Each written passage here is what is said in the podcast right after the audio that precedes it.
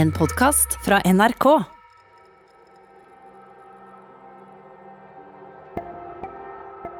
Hva tenker du når du ser eh, politimannen Derek Chauvin presse kneet sitt mot eh, nakken til George Floyd? Jeg blir kvalm. Jeg blir veldig rørt. Det gjør meg trist. Det gjør meg sinna. Det gjør meg sinne som en tidligere politimann. Det gjør meg sinne som en svart amerikaner. Det gjør meg sint som en amerikaner, punktum. Og det gjør meg sint og lei meg som et menneske. Du skal ikke gjøre sånne ting. Du skal ha mer av et hjerte. Du skal skjønne liksom at uh, dette har med et liv å gjøre. Dette har med et medmenneske å gjøre. Du hører på Krig og fred med Tove Bjørgaas Og Tore Moland.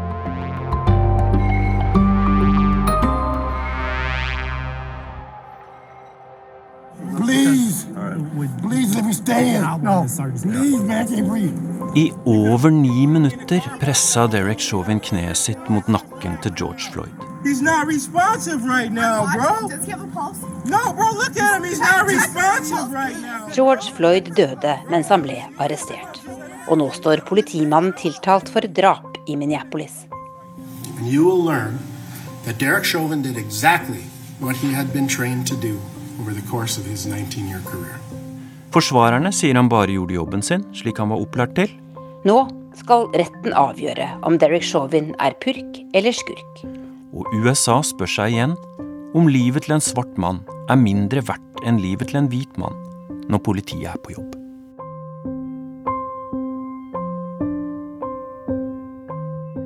Ja, jeg var en politimann um, på sørsiden av Chicago i syv år. Og da jobbet jeg innen uh, narkotikaetterforskning, gjengetterforskning. Uh, jeg var også ungdomspoliti. Og så var jeg det som heter en evidence technician, altså en sånn åstedsgransker. Så hadde det ganske spennende, så hadde bra mye å gjøre i de dagene. Ja, Navnet mitt er John Allen Reece. Jeg har bodd her i Norge siden uh, 2002. Jeg kommer fra USA og er en tidligere politimann i USA.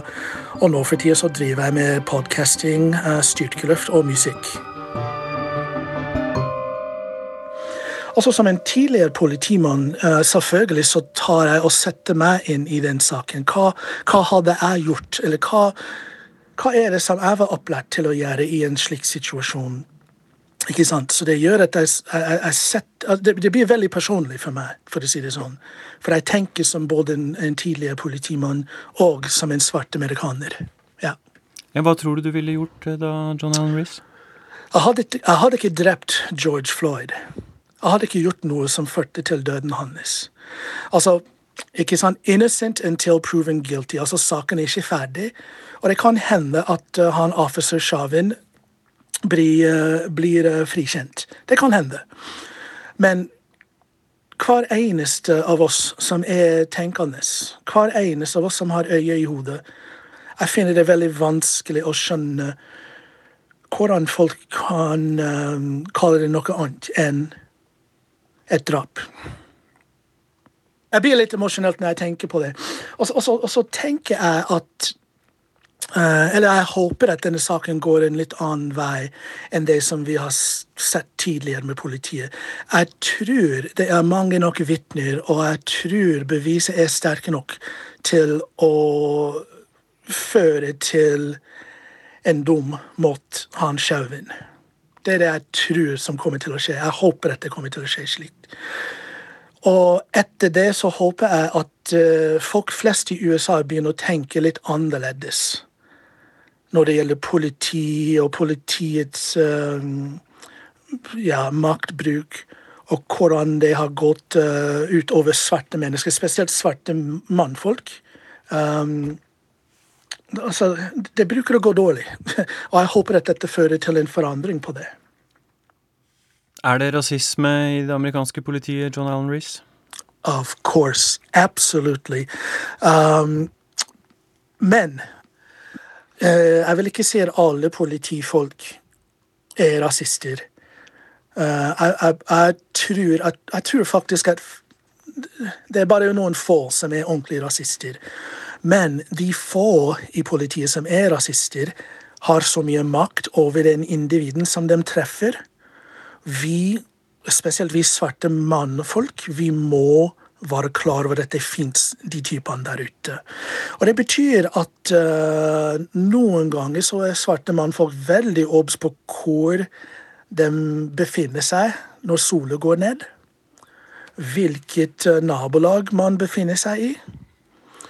Hva man gjør. Hvordan hilser man på politiet når, uh, når du blir stoppet av politiet?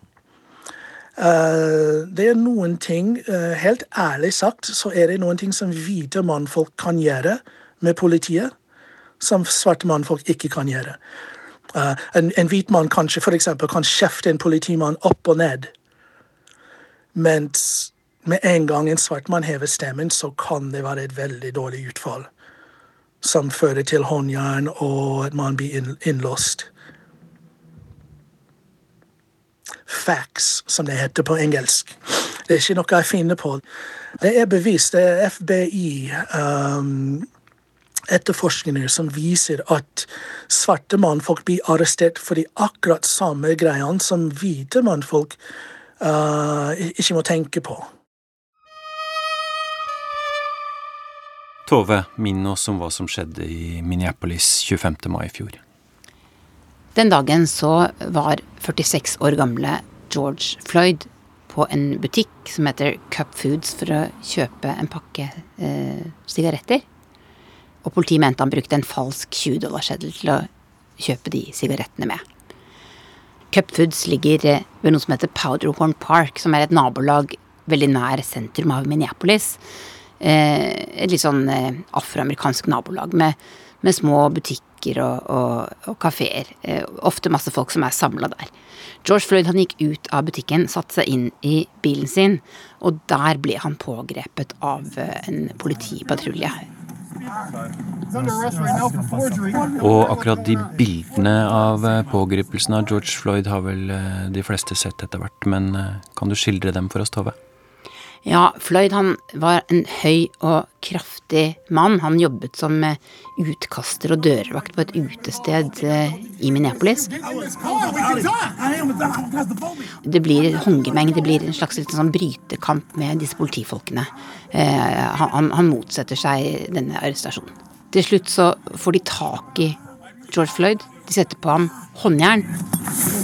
Og Derek Chauvin han legger Floyd i bakken og, og, og, og, presser kneet sitt mot halsen hans, mot nakken hans. Han ligger med kinnet ned i asfalten like ved dekket på denne bilen.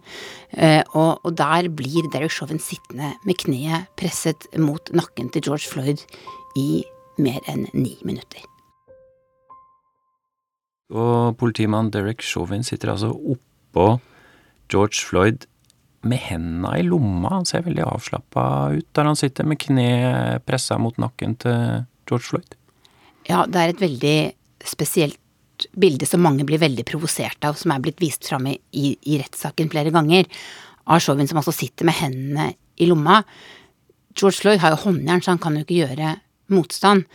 Han ligger på magen med kinnet ned i asfalten, henda på ryggen, og, og, og gisper at han får ikke puste. I can't breathe, I can't breathe roper han. Etter hvert roper han på moren sin, og så blir det stillere og stillere.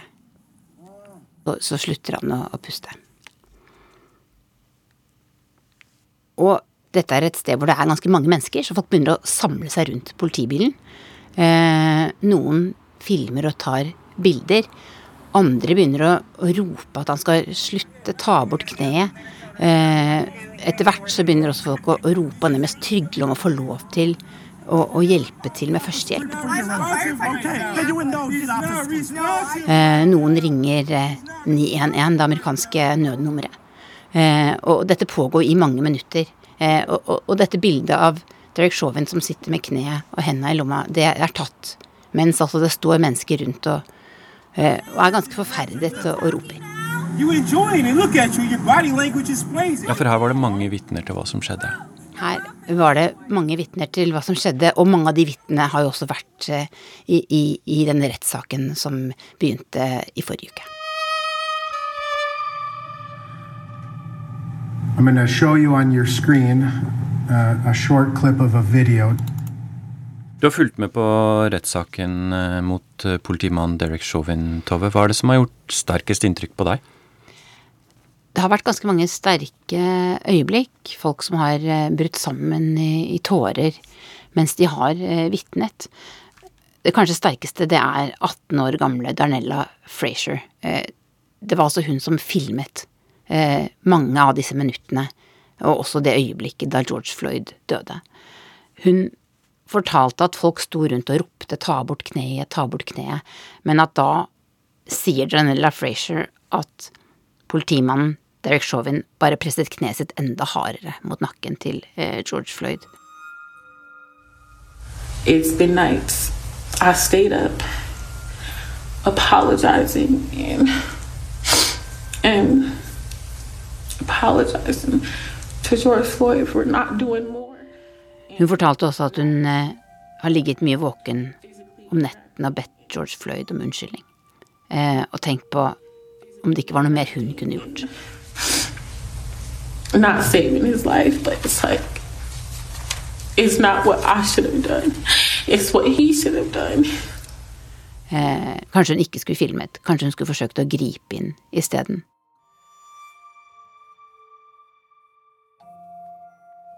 Saken mot Derek Chauvin er annerledes fordi det fins ikke bare én, men flere videoopptak av det som skjedde. Og det at amerikanere har kunnet se dette kneet til Chauvin, eh, og også se det som skjedde rundt, eh, det, det, var jo det som gjorde at det ble en sånn enorm reaksjon, og disse voldsomme demonstrasjonene som altså spredte seg eh, til mange byer i USA, fordi mange mente at dette var et helt tydelig bevis på et overgrep fra politiet sin side. Fortell meg om Derek Chauvin, eh, Tove. Derek Chauvin han er 45 år gammel. Han har jobba i politiet i Minneapolis i 18 år. Tidligere så har han vært eh, soldat i eh, reservestyrken i hæren i USA. Han har også vært militærpoliti.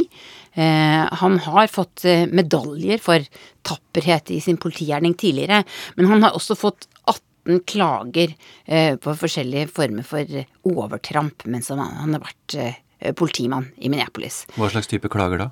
ganske mange klager for liksom overdreven aggresjon av ulike slag.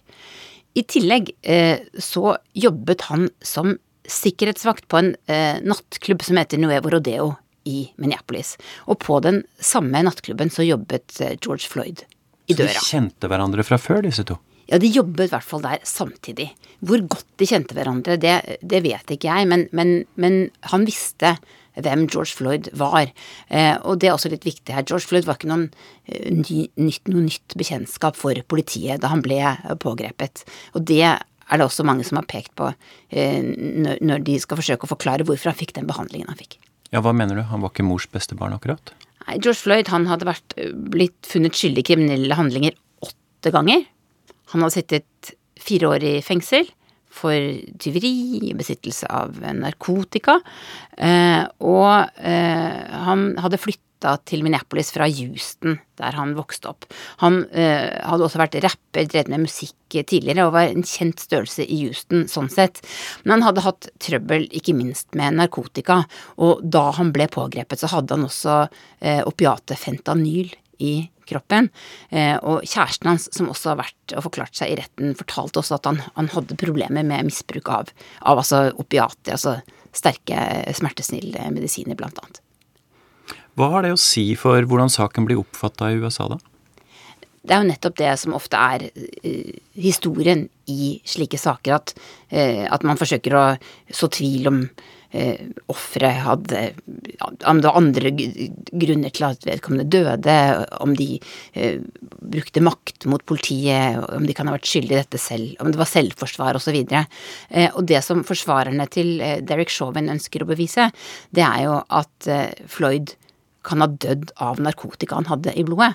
Altså at hjertet hans kan ha stanset eh, av det, og ikke fordi han ble kvalt av dette kneet til Derek Chauvin legen som behandlet eh, George Floyd på sykehuset eh, og forsøkte å gjenopplive ham eh, 25. mai. Han vitnet i, i, rettssalen på mandag, og da sa han at eh, kvelning eh, mente han var den klart mest sannsynlige dødsårsaken.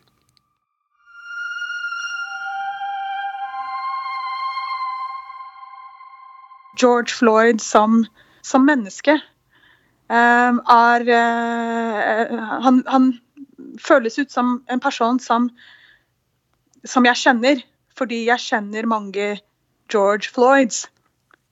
Han kunne ha vært min fetter eller min bror eller noen jeg studerte sammen med på videregående. Ikke sant? Jeg heter Michelle Tistel. Jeg er sosialantropolog. Jeg er født og oppvokst i Houston, Texas, og jeg jobber som forskningsbibliotekar ved Nasjonalbiblioteket. Jeg er også født i samme perioden. Jeg er også født i samme by. Men min, mitt liv har vært veldig annerledes. Men jeg kjenner veldig mange som på en måte har levd hans liv. Så jeg føler at egentlig at det ikke er så mye som skiller meg fra han. Det, var, det er helt tilfeldig på noen måter at våre liv ble så annerledes. Det, det, er ikke nødvendigvis at jeg har tatt andre valg, men jeg har fått andre muligheter. Og det er veldig vanskelig å forklare hvorfor mine muligheter og hans muligheter var så annerledes. Det høres litt ut som du mener at George Floyd har hatt uflaks, og du har hatt flaks her i verden? På en måte så mener jeg det. Rett og slett. Takk. Hvordan er det da å følge med på rettssaken, Michelle Tistel, hvis du føler et sånn slektskap til George Floyd? Dessverre, disse bildene som, som vi har sett altfor mange ganger, viser et menneske som er i en sårbar situasjon og får ikke nåde av politiet man får ikke det bildet ut av hodet. Han er livredd, og jeg får det ikke ut av hodet mitt. Uh, jeg har ikke ønsket å se dem siden jeg så dem første gang i fjor. Og da skrudde jeg av TV i, i ja, to ukers tid. Uh, fordi de var jo overalt. Norske medier, internasjonale medier. De var jo overalt. Og ingen Det virket ikke som noen tenkte på hvor ekstremt traumatiserende det var å se denne mannen. Jeg ble redd med en gang for min, mine egne brødre. Jeg blir redd for min sønn. Hvilken betydning vil det ha da, hvis politimannen Derek Chauvin blir eh, funnet skyldig i drap? Det kan for noen signalisere at den kollektive mobiliseringen som Floyds dødsfall skapte, hadde en virkning. Jeg tror det vil for noen signalisere at flere har forstått at dette problemet må tas på alvor, eh, og at publikum godtar ikke lenger at de som har ansvar, ikke gjør jobben sin. Hvor slutter denne saken, Michelle Tistel? Den saken kommer aldri til å slutte. Punktum. So I would offer exhibit 1008. Any objection? No objection. 1008 is received. To continue to apply that level of force to a person proned out, handcuffed behind their back, um, that that in no way, shape, or form is anything that um, uh, is by policy, is not part of our training, and it is certainly not part of our ethics or our values. En ting som har gjort et uh, veldig stort inntrykk på meg uh, under denne saken, er da han uh, politisjefen for, altså sjefen av alle sjefer i Minneapolis Police Department, han Medaria Arendando, han sa høyt og tydelig at uh, makt som kan føre til dødelig utfall, eller dødelig utgang, må stoppes. Altså, politikk får ikke noe valg. Det må stoppes når håndjern er satt på, eller når vedkommende ikke lenger er en dødelig trussel mot liv eller helse. Punktum. Sånn er det nå. Sånn har det vært siden den gangen jeg var politimann hjemme i USA. Um, alle ser på videoopptak at uh, George Floyd ikke var en trussel for liv og helse. Alle så at han var helt uh, hjelpeløs. Altså, det var ingen grunn til å fortsette med maktbruk. Hva håper du skal komme ut av denne saken, uh, John Allen Reece? Ja, jeg håper at han, uh, officer, uh, eller tidligere officer Chauvin blir dømt. Um, det er det jeg håper. Det er det som er mest rett. Det er det eneste som er rett, mener jeg. Jeg, jeg tør å si det sånn. Det er det eneste som er rett, at han blir dømt for mord. Hvorfor er akkurat denne rettssaken blitt så viktig?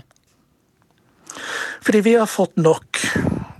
Vi har sett dette så ofte, og det koker over flere ganger. Ikke sant?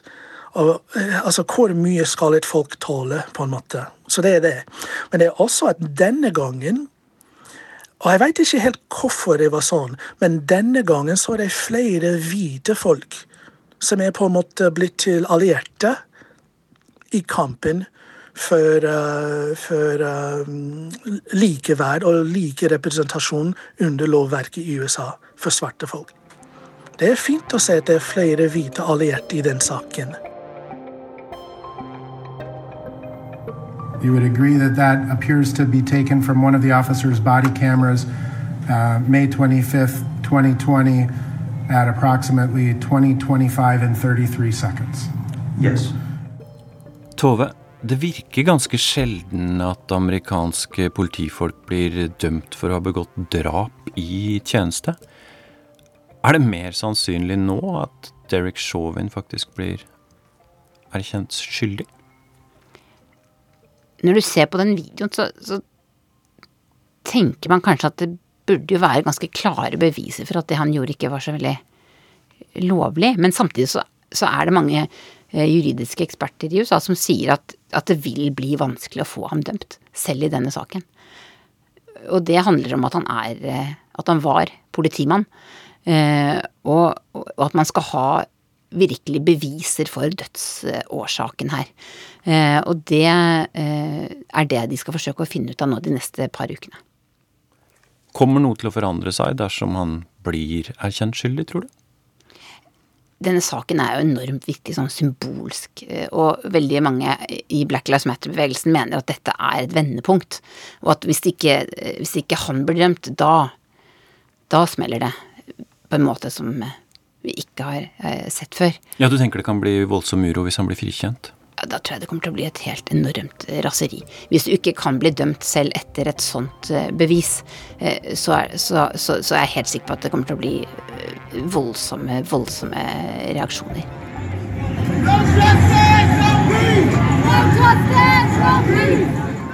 Du har hørt Krig og fred, en podkast fra NRK Urix. Lydregien var ved Lisbeth Sellereite.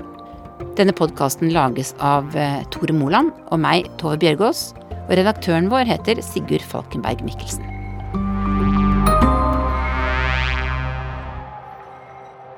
Og vi hører gjerne fra deg. Send oss en e-post på krig